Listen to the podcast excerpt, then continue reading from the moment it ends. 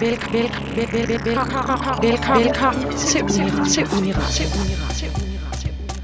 Husk, at du kan finde masser af Uniradions programmer på iTunes. Eller der, hvor du henter dine podcasts. Uniradio. Uniradio. Uniradion. Så har vi andet program i Eurovision Fanclub, og øh, vi vil gerne sige velkommen. I dag skal vi snakke om de fire første af otte skønne årtier, hvor Eurovision Song Contest har eksisteret. Vi vil snakke om europæisk historie i tiden efter to verdenskrige, om konkurrencens udvikling, både musikalsk og historisk, og om de to ting på den ene eller den anden måde hænger sammen. Jeg er født i 1993, og øh, i 1993 var det, der skete i Eurovision, i hvert fald i Danmark, at vi øh, stillede op med Tommy Sebak med Under Stjernerne på himlen, som var et øh, kæmpe nederlag, fordi de fik en 22. plads ud af 25. Ja, yeah. og jeg er født i 1998, og det år blev Eurovision holdt i Birmingham i Storbritannien, og det, der karakteriserer det år, er, at afstemningen virkelig var sådan en gyserafstemning, hvor man havde tre lande, Storbritannien, Malta og Israel, der lå enormt tæt i løbet af hele afstemningen, afstemningen og helt ind til sidst. Øhm, og det var jo Dana International med Diva, der vandt. Og så var det også et år, hvor Danmark ikke var med, så det var jo lidt kedeligt. Jeg hedder Martine. Og jeg hedder Amalie, og den næste time lytter du til Eurovision Fanclub. Nå, vi kunne godt tænke os øh, her i starten at introducere et lille nyt indslag i vores program, som vi har kaldt for Beskriv dit humør med en Eurovision-sang, som simpelthen er, at vi øh, i hver program vælger en sang, som siger et eller andet om, om vores humør lige nu. Øh, og jeg har valgt... For tiden så er jeg rigtig glad for, for MGP Nordic og for Junior Eurovision. Det er tit om efteråret. Øh, så jeg har valgt en sang fra MGP Nordic, en svensk sang, der hedder Skaffa en annan tjej med Rebecca, der var med i 2009. Spændende. Ja, og vi tænkte lige, at vi skulle høre en lille smule af den. En stor klassiker, vil jeg jo sige. Ja, jeg prøver lige at sætte den på, og så går vi lige lidt ind i den. Ja, den, øh, den kan Amalie rigtig godt lide. Jeg ved Det ikke jeg. helt, hvad jeg siger, men jeg er heller ikke så Sverige-obsessed, som Nej. du er. Øh, Og heller ikke, du hørte den heller ikke, da du var barn. nej, det er rigtigt. Jeg har altså Som ikke det der nostalgiske forhold Nej. til det som dig. Ja, så nostalgisk. Jeg, øh, mit humør, det øh, vil jeg gerne beskrive med to sange. Først så har jeg valgt sangen øh, med Malene, Vis, hvem, Vis mig, hvem du er, fra 2002, som stiller op for Danmark. Øhm, og hun fik en øh, 24. plads, en meget skuffende 24. plads. Ja. Hun havde selv regnet med at, at nå længere, og, og året efter, så stiller Thomas op med sangen Sig det løgn, Shame on you på engelsk. Og øh, han kom ikke engang videre til semifinalen, så det er lidt derfor, jeg har valgt de her to sange, fordi de havde, man troede så meget på dem, man tænkte, det her skal være vores stjerner, og de skal nok få os langt, fordi de var også blevet, de havde været med i stjerne for en aften. Ja. Øhm, men, men det gjorde de ikke. De skuffede rigtig meget. Mm. Og derfor så vil jeg sætte det som sådan en... Altså jeg ser lidt som et symbol på mit 2020. Jeg synes, det, jeg havde så mange forhåbninger. Jeg bliver snart 27 og tænkte, nu skal jeg virkelig feste i mine slut 20'er. Men, men nej, der er corona. Så derfor så, så føler jeg meget, ligesom Malene og Thomas gjorde, da de øh, virkelig failede brutalt her i øh, Eurovision. Ja, øh, vi kan jo lige, vi kan jo lige høre. Øh, jeg har faktisk fundet Sig det løgn frem med Thomas Tordarsson, Mm. øh, som jeg synes var en rigtig god sang. Jeg ved ikke med dig. Ej, det synes jeg ikke rigtigt. Jeg synes faktisk, det var fair nok, at vi gik videre på den semifinal. Jeg synes, den 13. plads, det var fint nok. Nå, Ja. ja, øh, Ja, men 2004, der- det er heller ikke min, en af mine yndlingsårgange. Jeg synes, den årgang, det var Sverige, og så var det alle andre. Jeg synes, øh, det er ret grineren, sådan, altså øh, teksten i den, sig det Mm. løgn, det var også det, vi alle sammen tænkte, da vi, da vi ligesom fik stjålet det her år fra Ja. os på grund af corona. Det gør jeg i hvert fald mange gange. Ja. Og jeg ved ikke, jeg tror måske, jeg synes, sang, det er lidt for meget den der latinobølge der i startnullerne. Jeg tror ikke helt, jeg, at, jeg, at jeg køber den. Den var du ikke på. Nej, det var jeg ikke. Jeg tror også, jeg var, igen var lidt for ung. Nok om det. Vi har jo desværre ikke rettigheder til at spille musikken live i, øh, på, podcasten, eller på podcasten, så derfor så vil vi rigtig gerne have, at I går ind og finder vores øh, playlist til Eurovision Fanclub, som ligger på Uniradions Spotify-profil. Og der vil vi lægge alle de sange ind, som vi spiller i øh, udsendelsen, i den række, som vi har spillet dem i. Så hvis du også lige har brug for et eller andet nice soundtrack, når du skal cykle i skole, så, øh, så synes jeg, du skal gå ind og finde den playlist, for der er nogle kæmpe bangers på. Det er der. Ja, og så har vi jo vores andet koncept, som er det her lytterønske. Vi håber rigtig meget, at, øh, at I vil skrive ind, øh, hvis I sidder og lytter til det her nu. Så skal I skrive ind til 23 61 01 42, hvis I har et lytterønske. Og der må man meget gerne lige skrive, hvem man er, hvor man sidder henne, og øh, hvorfor man øh, gerne vil høre lige præcis den her Eurovision-sang. Ja, og mm. så... Øh, så har vi jo fundet endnu et koncept, og det er det her med, at jeg synes, det kan være sjovt at lave nogle, øh, nogle nyheder. Altså øh, Eurovision siden sidst, hvad der egentlig sket. Og man kan mm. sige, så meget sker der jo ikke lige i øjeblikket, fordi at konkurrencen først er i maj. Men øh, jeg har alligevel mm. fundet lidt frem. Og øh, det første, som jeg lige vil komme ind på, det er bare lige at få slået fast, at der bliver holdt Eurovision øh, mm. i 2021. Nu yeah. fik vi jo øh, taget programmet fra os her i øh, foråret. I hvert fald største delen af det. der var jo det der lille erstatningsshow. Ja, det er rigtigt, ja. Øhm, men, men der kommer altså et rigtigt program, øh, og det, de har holdt møde, og de er blevet enige om, at de har lavet de her, jeg tror det er fire scenarier mm. for, hvad der kan ske, øh, altså afhængig af, hvor smittetrykket er på øh, mm. europæisk plan, og så vil de finde ud af, hvordan konkurrencen kan forløbe. Så det bliver enten noget med, at, at kunstnerne skal synge sangen hjemmefra, eller også så skal de alle sammen mm. møde op i Rotterdam, men så kommer der ikke nogen tilskuere. Øhm, så det, det er meget mm. afhængigt af, hvordan uh, covid-situationen er lige på det tidspunkt. Men der bliver altså et program eller et uh, show, og det kommer til at være i Rotterdam, som det oprindeligt skulle have været. Mm. I hvert fald værterne kommer til at stå der. Ja. Vi håber selvfølgelig også på, at artisterne vil være til stede, men det er jo svært at, at gisne om fremtiden. Ja, det er det. Øhm, Yes, og det er øh, og det er det samme med eller ju, Junior øh, Melodi Grand Prix eller ja. hvad hedder det? Junior Ju- Eurovision Song Contest. Song Contest. Øh, det bliver også holdt i år, men det bliver ikke helt på den oprindelige måde. Nej det bliver jo netop sådan noget med, at hvad du sagde, Amalie, at kunstnerne blev hjemme. Ja, ja det bliver det her koncept, som de jo også overvejer at putte på voksen Melodi Grand Prix eller Eurovision, øh, hvis coronasituationen er slem til foråret. Mm. Det er jo, at hvert land øh, optræder hjemmefra, og så... Øh, jeg tror faktisk ikke, det bliver live. Jeg tror bare, det var noget med, at man optager performancene, og så sætter dem ind i den rækkefølge, øh, som de kommer til at optræde i, i showet. Okay. Øhm, og så kommer scenen til at ligne hinanden så meget som muligt i de forskellige lande. Ja, okay. Ja, så de prøver at bygge det op, så, så udtrykket bliver så ens som muligt. Ja. Men det er i hvert fald her i efteråret, og det mm. bliver afholdt i Polen for anden gang i, i træk. Ja, øhm, de har virkelig succes i Junior Eurovision, må man sige. De kan godt finde ud af det øh, i Polen. Deres børn i hvert fald. Ja, det er ikke meget de voksne.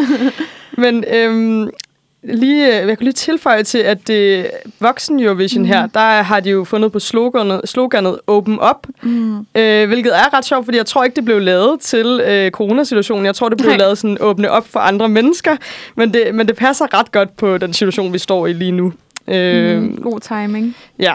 Så øh, er Ulla Pia død, og Ulla Pia er den her danske Eurovision-stjerne, øhm, som var stor. Hvornår, Amalie? Hvor var Hvad det? Hvornår, hvornår hun var stor? Ja. Hun var stor i 70'erne, slutningen af 60'erne og 70'erne. Hun, slutningen af 60'erne, ja. ja. Jeg kender hende faktisk ikke så godt ud over hendes Eurovision-bidrag. Nej, og det var jo i 66, ja. at, hun, øh, at hun stillede op med sangen Stop, mens mm. lejen er god. Efter, altså, efterfølgende så var vi så ikke med i Eurovision mm. et langt stykke tid. Ja, sidste danske deltager. Så det var meget ironisk, at den mm. lige hed Stop, mens lejen var god. Mm. I hvert fald så er der mange, der kender hende for hendes øh, andet hit, øh, som hedder Flower Power Toy. Yeah. Øh, så det går meget ind i den her hippie-tid. Øh, sidste Eurovision-nyhed, det er øh, Team Skov fra øh, bandet øh, A Friend in London. Han, øh, han skrev, de skrev, stillede op med den her sang New Tomorrow i 2011. Mm. Øhm, han har simpelthen øh, kommet med i en øh, dokumentar på DR. Ja, det er tre program. Et det er tre program, som jeg så her i morges. Mm. Øh, jeg tænkte, øh, fordi jeg, det, kom også, det var også med i dybvad, og så tænker jeg, okay, der, det må være lidt underligt, det her program. Øhm, og det sjove ved det er, at jeg tror, det handler lidt om det her med, at Tim Skov, han har svært ved at slå igennem. Han vil gerne være en musikalsk stjerne i Danmark, men han har lidt problemer med det her ry, med at han bare, mm. bare er en Eurovision-stjerne. Ham fra Melodi Grand Prix. Ja, ham fra Melodi Grand Prix. Øhm, så, så han har altså større planer. Han vil simpelthen øh, være kendt, og det er et, øh, et, et meget organt program, øh, hvor at han for eksempel siger på et tidspunkt til den her øh, filmmand, som laver hans film, så siger han til ham, øh, nu skal du høre, livet det er ligesom en film, og hvis det ikke er underholdende, så skal man bare lægge sig til at dø. Ej, det stikker fuldstændig af. Og det er der, der, der, øh, der synes jeg, at man skal stoppe, mens lejen er god, og lade være med at se andet afsnit Ja. af, af den her Ja. dokumentar. Ja, det er lidt frygteligt. Men det hedder Et giftigt venskab, og man kan se det på DR, hvis man er interesseret i Tim Skov. Han er mm. i hvert fald meget interesseret i sig selv. Det kan man sige. Ja, og så vil jeg sætte øh, deres sang på. Øh, den her New Tomorrow af A Friend in London øh, fra 2011, 2011 ja. Mm, fik en femteplads i Düsseldorf. Mest på grund af jurystemmer. Og det var New Tomorrow med A Friend in London fra 2011. Jo et ret generisk nummer, som også øh, havde en masse plagiatsager på sig dengang. Mm. Øhm, men nu vil vi gerne gå videre til programmets hoveddel, hvor vi i dag gerne vil gennemgå, hvad skal man sige, den, den ældre historie, de gamle årtier øh, af Eurovisions historie, fra starten i 1956 til, og frem til 80'erne. Yes. Øhm, og, og inden vi sådan går, går for meget i gang med, øh, med historien, så kunne vi godt tænke os at samle lidt op på sidste gang, i forhold til, at vi jo har to meget forskellige tilgange til Eurovision, og det at være fan. Øhm, ja. Hvor jeg er jo meget den her, der sådan er meget detaljeorienteret og går meget i dybden, og sådan de enkelte år og sådan nogle ting. Og så er det også det her, og så går jeg også meget op i sådan, det, er sådan det, jeg kalder æstetikken, og i det, altså øh, sådan, sangenes udtryk, og selvfølgelig musikken. Ja. Øhm, hvor jeg jo ikke ser Eurovision-musik som en genre for sig selv, men bare ser det som en del af alt andet popmusik. Og jeg har ligesom det her eksempel med, at det er ret normalt i Sverige, så, så sender sangskrovene hvert år en masse sange ind til Melodifestivalen, som det svenske Melodi Grand Prix hedder. Og så er det ret normalt, at de sange, som ikke kommer med, dem udgiver de bare i stedet for. Mm. Og så på den måde, så tænker jeg, så synes jeg jo bare, at det er øhm, en, altså sange ud af alle mulige andre popsange. Ja, og det, det er meget sådan, at ja, det, det er meget sådan den svenske mm. model, hvor jeg har lidt mere den danske model, som ja, er den her med, at jeg ser det virkelig som et fænomen, Eurovision. Jeg ser det ikke så meget, så jeg ser det nærmest ikke som musik. Jeg ser det som noget helt for mm. sig selv, som har alt med konteksten at gøre. Og, og at det faktisk måske ikke engang er sikkert, at jeg vil høre det, mm. hvis ikke jeg vidste al den her baggrundshistorie. Og ja, der er det jo omvendt med mig, som tit ikke kender teksten, fordi den er på et andet sprog. Ja, ja og, og jeg ved ingenting om musik i virkeligheden. Mm. Øh, jeg kan bare lytte til dem og ligesom øh, prøve at få nogle fortællinger ud af det, af, sådan, af baggrundshistorierne, men jeg ved ikke rigtig særlig meget om det. Og der er jeg jo nok den der, som er meget engageret i musikdelen, og sådan, Mm. uden at selvfølgelig musik, læse musikvidenskab eller noget, så det der med, ej, ja. Ja, men, men det kommer nok også til at afspejle sig lidt i vores mm. gennemgang her, fordi at der har vi netop lavet en model, hvor at jeg kommer til at starte med at lave et, øh, et historisk baggrundsbillede af, hvordan Europa ser ud på det her tidspunkt. Og det bliver altså ikke mm. sådan øh, mega highbrow-agtigt. Jeg tror, det bliver mere sådan nogle, nogle punkter, jeg har slået ned på, og mm. også nogle lidt random facts øh, fra, mm. fra, øh, fra det her årti. Øhm, Ja, og så vil vi sådan i hvert årti øh, spille en øh, tidstypisk vindersang, som siger noget om årtiet, og som vi også synes er god. ja. Ja.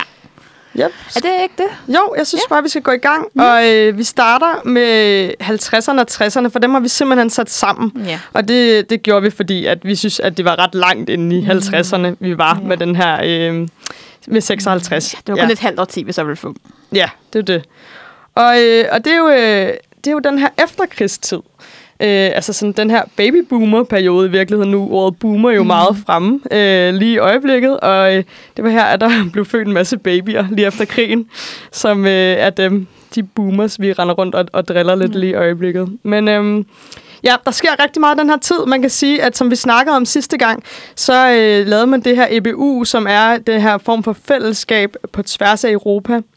Øh, det samme mm. gjorde man egentlig politisk, øh, hvor at, at kunstnerisk ligger det i Eurovision, politisk der ligger det i alle de her øh, unioner, som, øh, som er blandt andet, altså der kom NATO, og der kom FN, og så havde vi i Europa det her, det europæiske kul- og stålfællesskab fra 1952, øhm, som egentlig altså, skulle sikre, at, at vi ikke blev uvenner i bund og grund. Øh, det skulle sørge for, at øh, vi ikke blev uvenner rent markedsmæssigt, og derfor ikke havde nogen grund til at gå i krig med hinanden, for man havde altså ikke brug for mere krig på det her tidspunkt. Nej, havde vi haft ret meget. Ja, det, det orkede vi ikke mere. Øhm, men til gengæld så var der starten på en kold krig, øh, som jo var ret længe. Og den kolde krig, det er øh, USA og Sovjet, som er de her to store stormagter, der kommer efter 2. verdenskrig. Øhm, og repræsenteret i NATO og Varsava-pakten, så, skulle de, øh, så var de lidt uenige om, hvordan Europa skulle se ud. Øh, der var ligesom den her øh, øh, kommunistiske tilgang til det, og den mere kapitalistiske tilgang til det. Ja, og øh, den kolde krig får, kulminerer i 1962 ved Kubakrisen, hvor man har de her 13 dage, hvor man øh, hvor der er en meget øh, aggressiv atomtrussel for begge øh, parter, hvor man faktisk går og overvejer, om hele verden kan blive sprunget i luften, fordi man øh, ligesom har atomvåben, og, øh, og så får man den her fælles kæmpestore frygt for, at man kan dø og blive smadret fuldstændig igennem fra den ene dag til den anden. Ej, det har været så frygteligt. Altså, jeg er ja. glad for, at jeg ikke levede der. En meget vild periode at leve i. Øh, ja. Og det slutter altså først i 1989 med murens fald. Øhm, så noget andet, der sker, det er, at det faktisk er øh, ja, slutningen på alle de europæiske koloniimperier, som blandt andet er i Afrika. Det vil sige, det bliver mere mm. samlet Europa i øh, nationalstater, som, som ikke har så meget at gøre ude i resten af verden, og ikke er ude og kolonisere længere. Øhm, så er der den første månelanding i 1969. Og øhm, så er der altså den her materielle velstand i øh, de vesteuropæiske øh, lande. Øh, der er flere lag i samfundet, der lige pludselig har råd til ferie, fritid og underholdning. Øhm, og, øh, og så er der den her ekstreme amerikanske påvirkning, som man blandt andet ser mm. i rockmusikken, som, som jo ikke har så meget at gøre i Eurovision, i hvert fald her Nej, i starten. ikke de første år overhovedet. Nej. Øh, så, så på den musikalske scene på det her tidspunkt uden for Eurovision, kan man sige, at der var sådan noget som Beatles og The Doors mm. og Bob Dylan. Øhm, men i hvert fald, så, så har jeg prøvet at lave sådan lidt en konklusion på de her begivenheder. For man kan sige, for det første, så, øh, så har jeg haft brug for den her, øh, det her, den her fælles europæiske identitet efter krigen.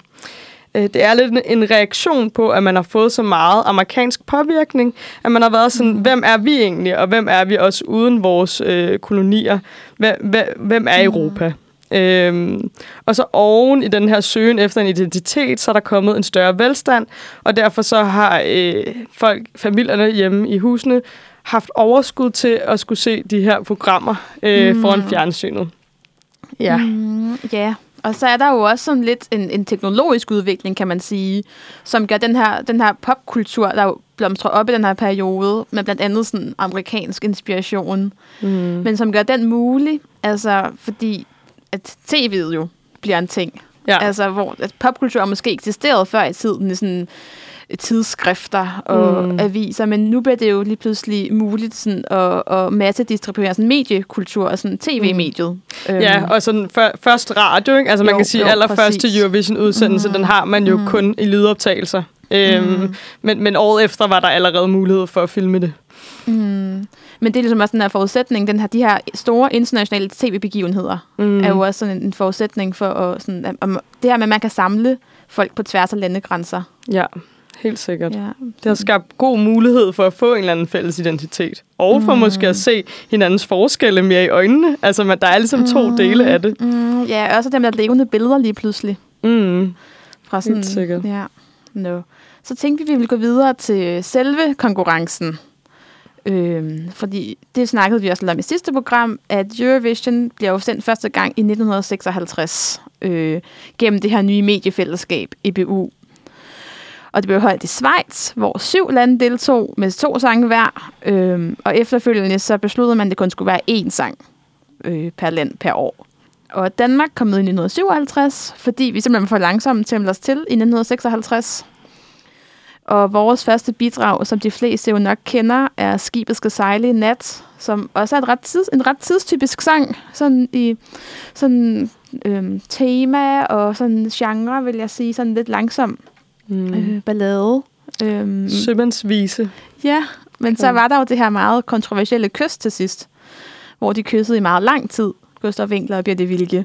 Og det var der mange af de øh, sådan, især katolske lande, som var meget forarvet over mm. på det her tidspunkt her i 50'erne. Jeg har hørt rygter om, at det var faktisk var, fordi de ikke så signalet. Der skulle være en form for Ja. signal ude i publikum, hvor der er en, der skulle ligesom vise, nu skal kysset slut, men det, det havde de åbenbart Ja. ikke set.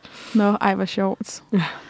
Øhm, og ja, man starter jo med syv lande i 1956, og efter 60'erne i 1969 er der 16 lande med.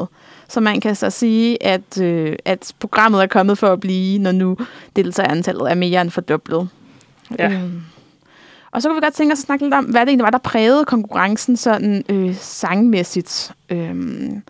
Og de sange, der deltog de første år, det var ofte sådan nogle meget sådan, rolige og også ret sådan, temmelig ens sange. Det var tit den genre, som man kalder sådan chanson eller refrainsange, kan man kalde det, øh, som var oppe i øh, 50'erne og starten af 60'erne især. Og altså ikke rock and roll, som, som slog igennem USA på samme tid. Så på Mhm. den måde var Eurovision også meget bagud. Ja, og det siger man vel hele vejen igennem Mm. mm. i hele Eurovision historie, at de er lidt Ja. bagud. Ja, det er altid sådan nogle tendenser, der måske var for fem år siden, som så finder vej ind i Eurovision. Ja. Øh, og så var Eurovision også meget præget af Frankrig og det franske sprog, øh, hvor at det franske nok på det her tidspunkt stadig blev set lidt som et, en eller anden form for ideal. Øh, Mm. det var meget ofte de fransksprogede sange, der vandt, øh, også både fra Frankrig, men også fra Luxembourg og fra Monaco. Mm. Øhm, og et eksempel på en fransk sang, som altså, faktisk er min personlige favorit fra de tidlige år, er L'amour est bleu med Vicky Leandros fra 1967, der blev nummer 4 for, øh, for Luxembourg. Hun vandt så faktisk i 72. Men øh, den her blev kun nummer, nummer 4, men er et meget godt eksempel på, øh, på hvad, hvilke sange, der deltog de første år, fordi det er, det er sådan, en sådan stille og rolig sang, men også sådan meget stillestående øh, performance, og så selvfølgelig, at den var på fransk. Ja. Øh, men der sker noget i slutningen af 60'erne, og det er jo det her med, at showet øh, bliver sendt i farver. I 1968, det er første år, hvor at man sender showet i farverne, fordi at farve til hvid bliver en ting, fordi de første år bliver Eurovision sendt i sort-hvid.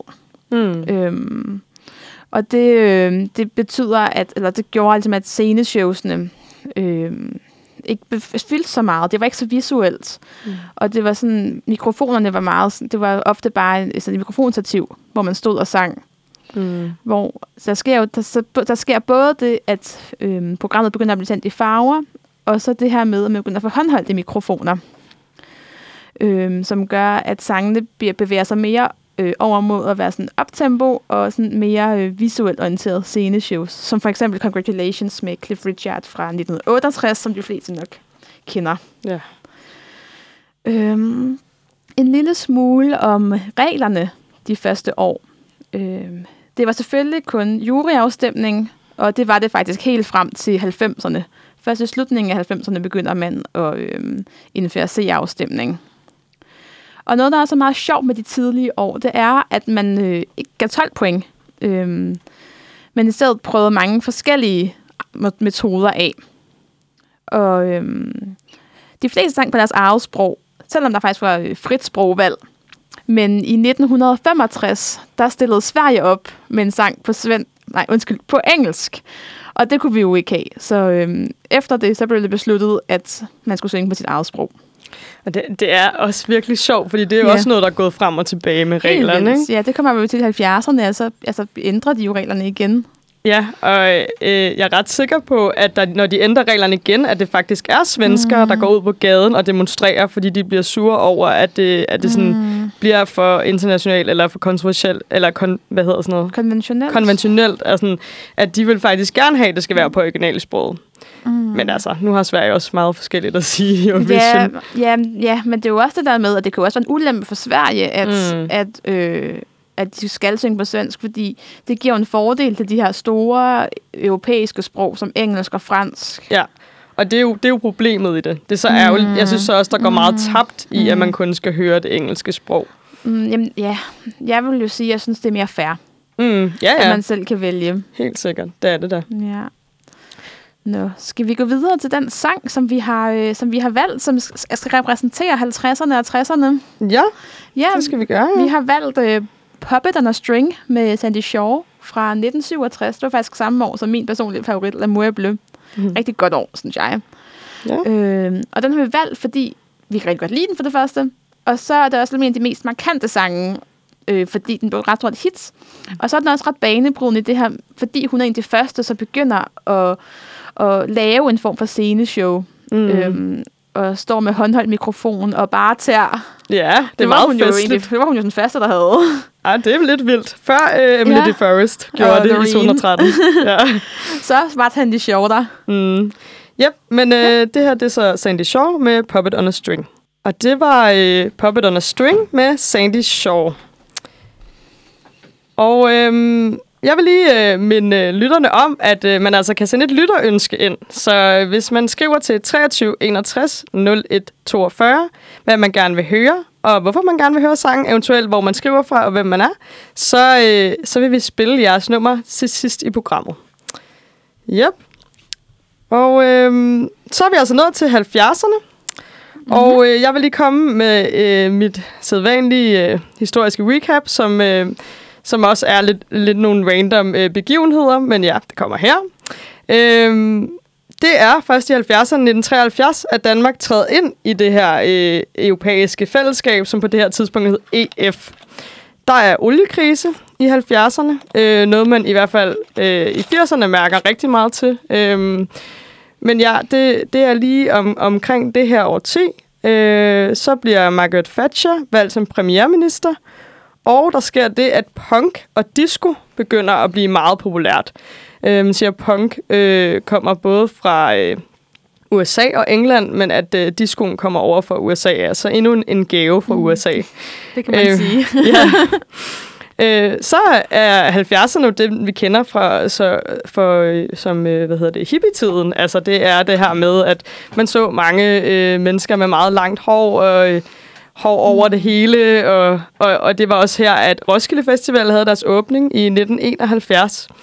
Øhm, så er, der, er det også det, vi siger, er sådan årtidet med ungdomsoprøret. Øhm, man kalder dem 68'er-generationen, men, men det er altså sådan starten på, at, at, at unge begynder at gøre rigtig oprør. Øhm, og, og det er noget af det, som de går meget op i, det er den her øh, antiborgerlighed og, og noget Mm. oprør mod samfundsstrukturer og magtstrukturer. Og det, det fornemmer man virkelig sker her i 70'erne.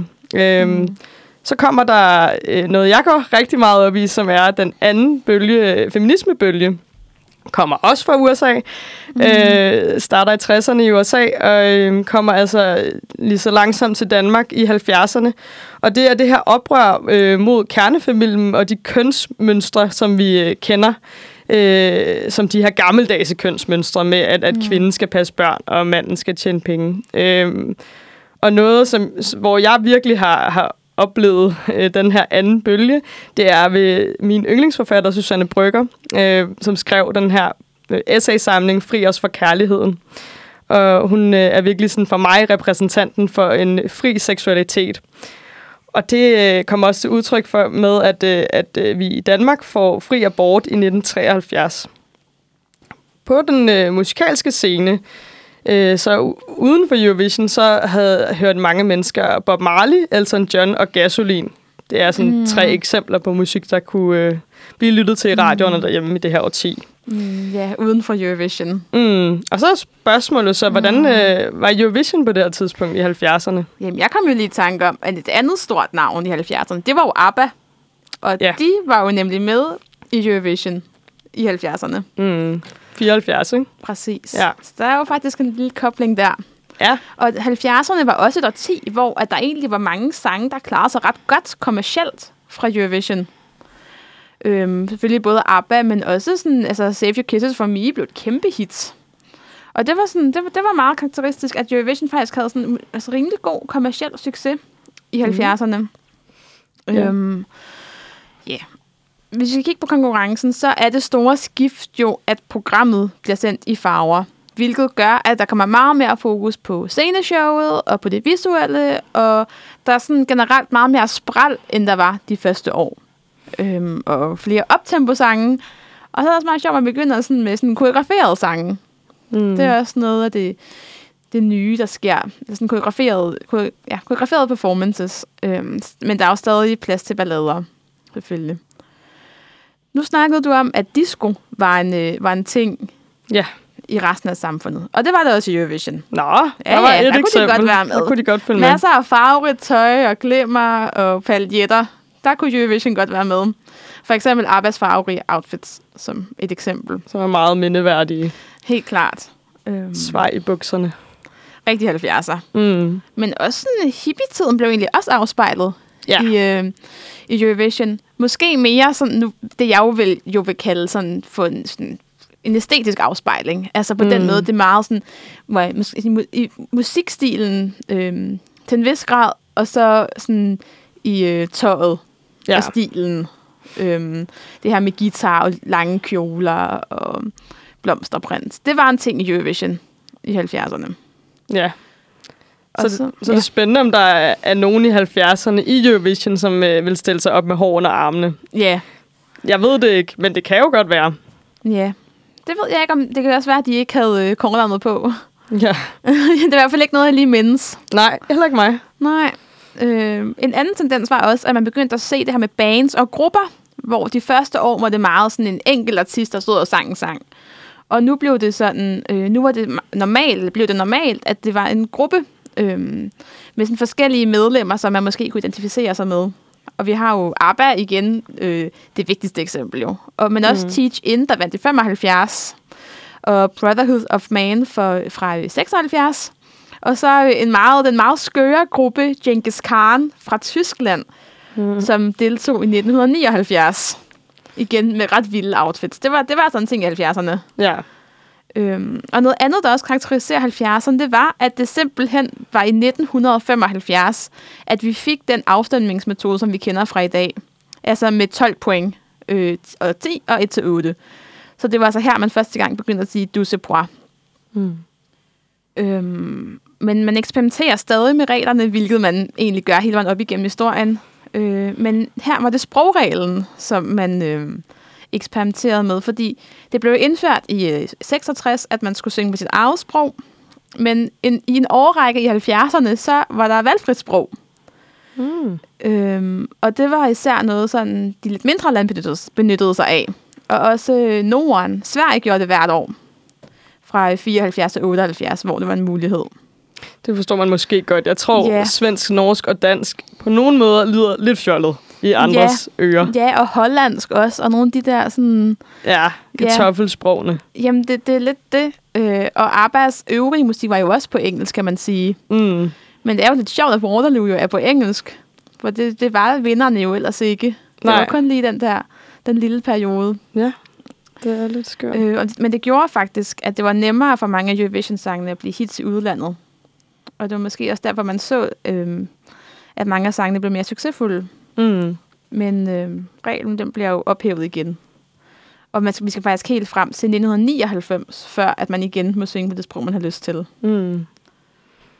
Derudover, så er 70'erne meget kendt for at være det årti, hvor Danmark ikke var med.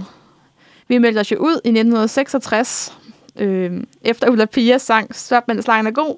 Rest in peace, Ulla Pia. Ja. Øhm.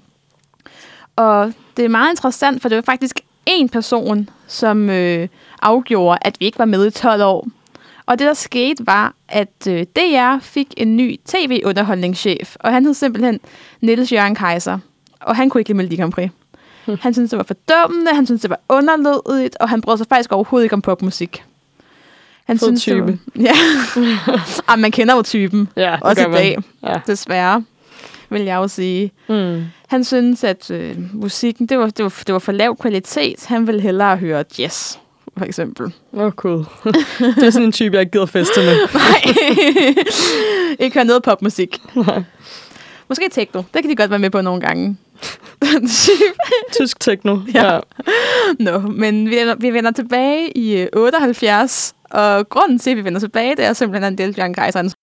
Ja, ud Så- med ham. Ja, og han har også, også været med til at bidrage til den her kultur på DR, hvor Melodi Grand Prix var noget, man kunne lide, og man sendte heller ikke showet i mange år. Mm. Fordi han simpelthen, han var så, han, ham og hans holdning var så dominerende. Ja. Men så har vi jo det, så har vi jo det her lille hold i 1978 med Jørgen Demilius, som jo får startet det op igen, og så begynder øh, det at køre igen. Hmm. Vi har et ret. Faktisk var Kim Larsen med i Dansk Melodi Grand Prix Nå. 1978. Nå, det er sjovt. Hvad Ja. stillede han op med? Uh, ud i det blå, mener jeg, den hed. Mm. Okay. Ja, Ja. Jeg kunne godt have valgt en af hans hits. Det ja, havde det, været fedt. det havde været ret vildt Kim Larsen til, med Jutlandia i Eurovision. Det kunne være ret fedt, vil jeg, vil jeg sige. Ja, ja, det kunne være sjovt. Men Man havde generelt sådan meget diversitet lige de der første år. Mm-hmm. Øhm, men ja, der var jo den her generelle tendens i 70'erne, som du også var inde på, men det er jo et meget politisk årti, 70'erne. Øhm, og det var også noget af det, der var med til, at altså både for Danmark, der meldte ud i første omgang, og også var med til at holde os tilbage for, for at deltage igen. Mm. Det her med, at der var den her, øh, ja, den her diskurs om, at det var vigtigere at, at engagere sig i politik, i stedet for at bruge tiden på popmusik. Ja. Og det tror jeg også var det, som ja, om Daniel Jørgen Kaiser, han, øh, Ja, det var sikkert det argument, han brugte. det, det gjorde han sikkert. Jeg vil så bare mene, at, at øh, jeg synes, at der mangler noget politik i 70'erne. Mhm, mhm. Øh, Jeg forstår jo overhovedet ikke, hvad, hvor kvindekampen er. Nej. Det kan jeg simpelthen ikke forstå. Kvindekampen var så vigtig i hele Europa og USA, og, øhm, eller i hvert fald Vesteuropa og USA. Mm. Og så, at man ikke ser det mindste til det i Eurovision. Mm. Øh, man, man har set enkelte sange i nyere tid, som har været feministiske på den ene mm. eller den anden måde. Men jeg synes virkelig, det bliver den her gamle, øh, gammeldags køns... Øh, kønstyper, mm. de her gammeldags kønstyper, der kommer frem. Altså den her meget mm. feminine kvinde, der skal stå i en kjole en lang og, kjole og rød læbestift. og være fin. Og, ja, lige præcis. Mm. Og, det, øh, og, og en, generelt en hel masse heteroseksuelle par, øh, mm. som skal stå og, og synge om kærlighed. Ikke? Der, der mangler noget mm, politik, der synes er jeg. ikke særlig meget queer i Eurovision i de her år. Nej, det er der godt nok ikke. Der er Ej. mere sådan her for Danmark-stemning, Ja, synes jeg. og den der ABBA-konstellation, som bliver meget udbredt, det er jo også med to mænd og to kvinder, og de skal helst leve op til et eller andet... Altså, Ja, som i øvrigt øh, dannet par i virkeligheden jo. Ja. ja. mm, Nå. ja, det er lidt ærgerligt, men øhm, det kan vi jo ændre på i dag. Ja, det kan vi. Det håber jeg da, at der sker noget i fremtiden med Ja. noget feminisme. Ja, men så vil jeg jo så igen sige, at øh, hvis det er en dårlig sang om feminisme, så skal den jo heller ikke klare sig godt. Nej, nej, det er rigtigt. Ja, no. øhm, så vil vi gå videre til øh, den sang, vi har valgt, for, som, skal, som repræsenterer 70'erne. Og der har vi valgt øh, Save Your Kisses For Me med Brotherhood Oh Man fra 1976. Yes, og den kommer her. Yes, og det var Save Your Kisses For Me af Brotherhood og oh Man. Hedder man det? Ja, oh, jeg plejer at sige Off, off, man. men der Off, står jo man. oh, det er lidt sjovt. Ja, okay. Ja, fra 1976. Og nu skal vi så videre til 80'erne. Øhm, dem jeg plejer at kalde, eller dem ikke ja. jeg kalder, dem man kalder fattig 80'erne, øh, som jo er på grund af den her oliekrise, øh, som gør, at det står rigtig dårligt til i Vesteuropa. Og der er generelt dårlige nyheder på bordet. Olof Ja. Palme bliver dræbt. Øh, det har vi alle hørt om. Øh, John Lennon bliver dræbt. Øh, atomkraftværket Tjernobyl i Ukraine springer i luften. Og der kommer den her øh, kæmpe epidemi af AIDS. Øh, den, den er i hvert fald på sit højeste her i 80'erne. Så det går ikke så godt. Nej, det, det går ikke godt. Til gengæld, så øh, kommer den her nye musiktjeneste MTV, som vi alle sammen har brugt til at se musikvideoer, da vi var yngre. Og øh, DR mister sit monopol. TV2 kommer på banen. Og så, sidst men ikke mindst, er der den her lykkelige nyhed med, at Berlin, Berlinmuren falder i 89, og Europa ikke længere er delt op i et kommunistisk øst og et kapitalistisk vest. Øhm, så blev øh, video jo opfundet i 70'erne, men det var jo først øh, rigtigt i 80'erne, at det blev noget, man brugte meget. Og det ved vi jo også fra øh, den gode sang Video Video, ja. øh, som er faktisk lavet af Peter Brikstoftes bror. Ja. Øh, Jens Brix. Jens Brikstofte, ja. Og så øh, på den musikalske scene, så har vi David Bowie, ACDC og blandt andet Kim Larsen, som du jo sagde, også stillet op mm. til Melodi Grand Prix i mm. 78. Ja. Ja, så generelt et øh, lorteår, eller lorteårti på mange mm. punkter. Men øh, hvordan står det til med Eurovision? Jamen, der kan man ikke se det.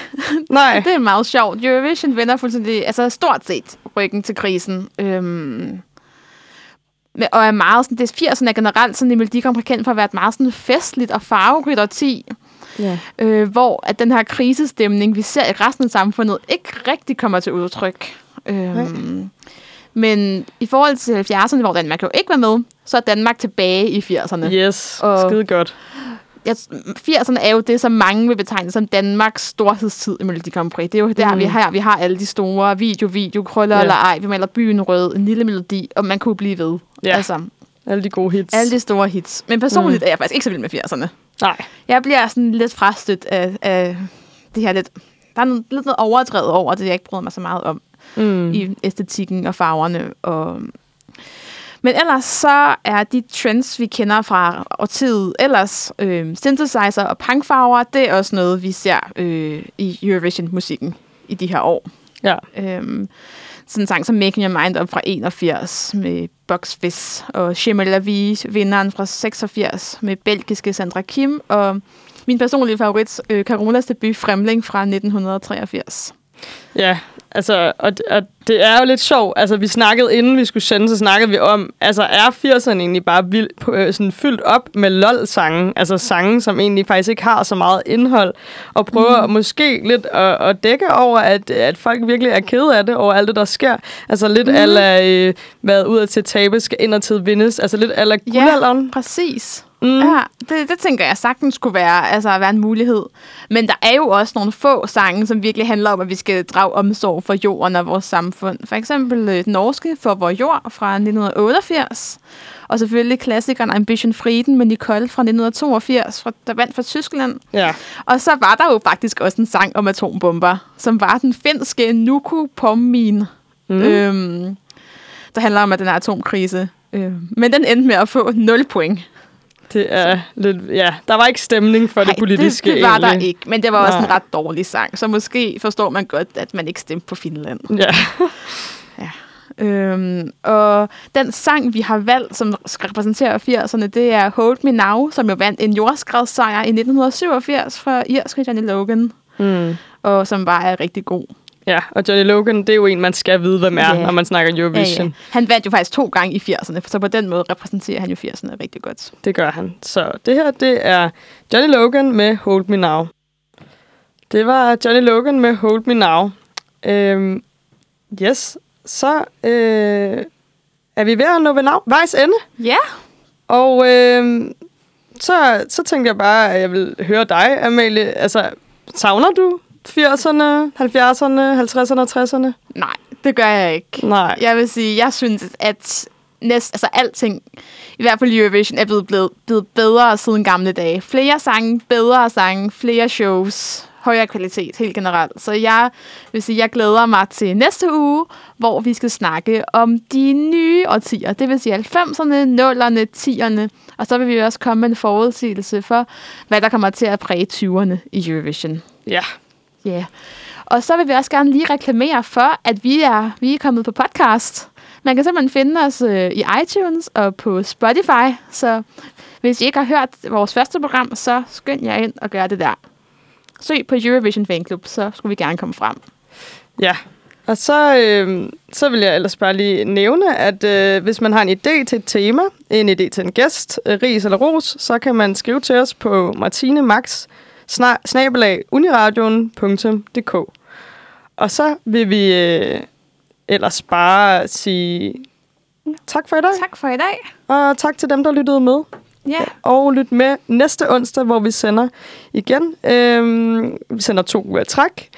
Og Ja. øh, der skal vi jo ja, snakke om resten af årtierne. Så ja. Glæd jer. tak for i dag.